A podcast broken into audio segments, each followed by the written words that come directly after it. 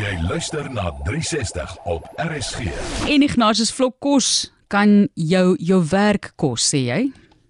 'n Mens hoor baie stories van korrupsie, maar nie veel van waar hulle kierankies uitbraai nie. Citibank in Engeland sorg nou vir so 'n storie. 'n Werknemer was vir 3 dae in Amsterdam.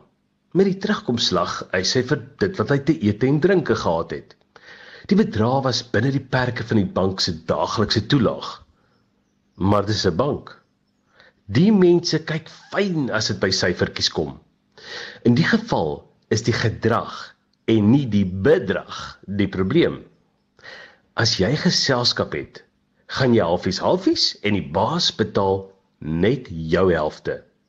As jou strokie wys, twee koffies, twee toebroodjies en jou wederhalf was jou geselskap, dan sê die bank hulle betaal net vir hulle werknemer se toebroodjie en koffie.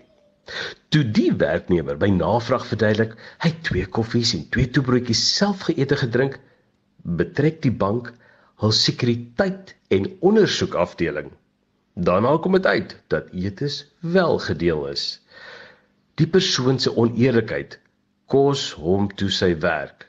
Hy gaan hof toe vir onbillike en onregmatige ontslag en die hof sê nee. Sy werk is in 'n posisie van vertroue, so die klein jakkalsie is eintlik groot moeilikheid.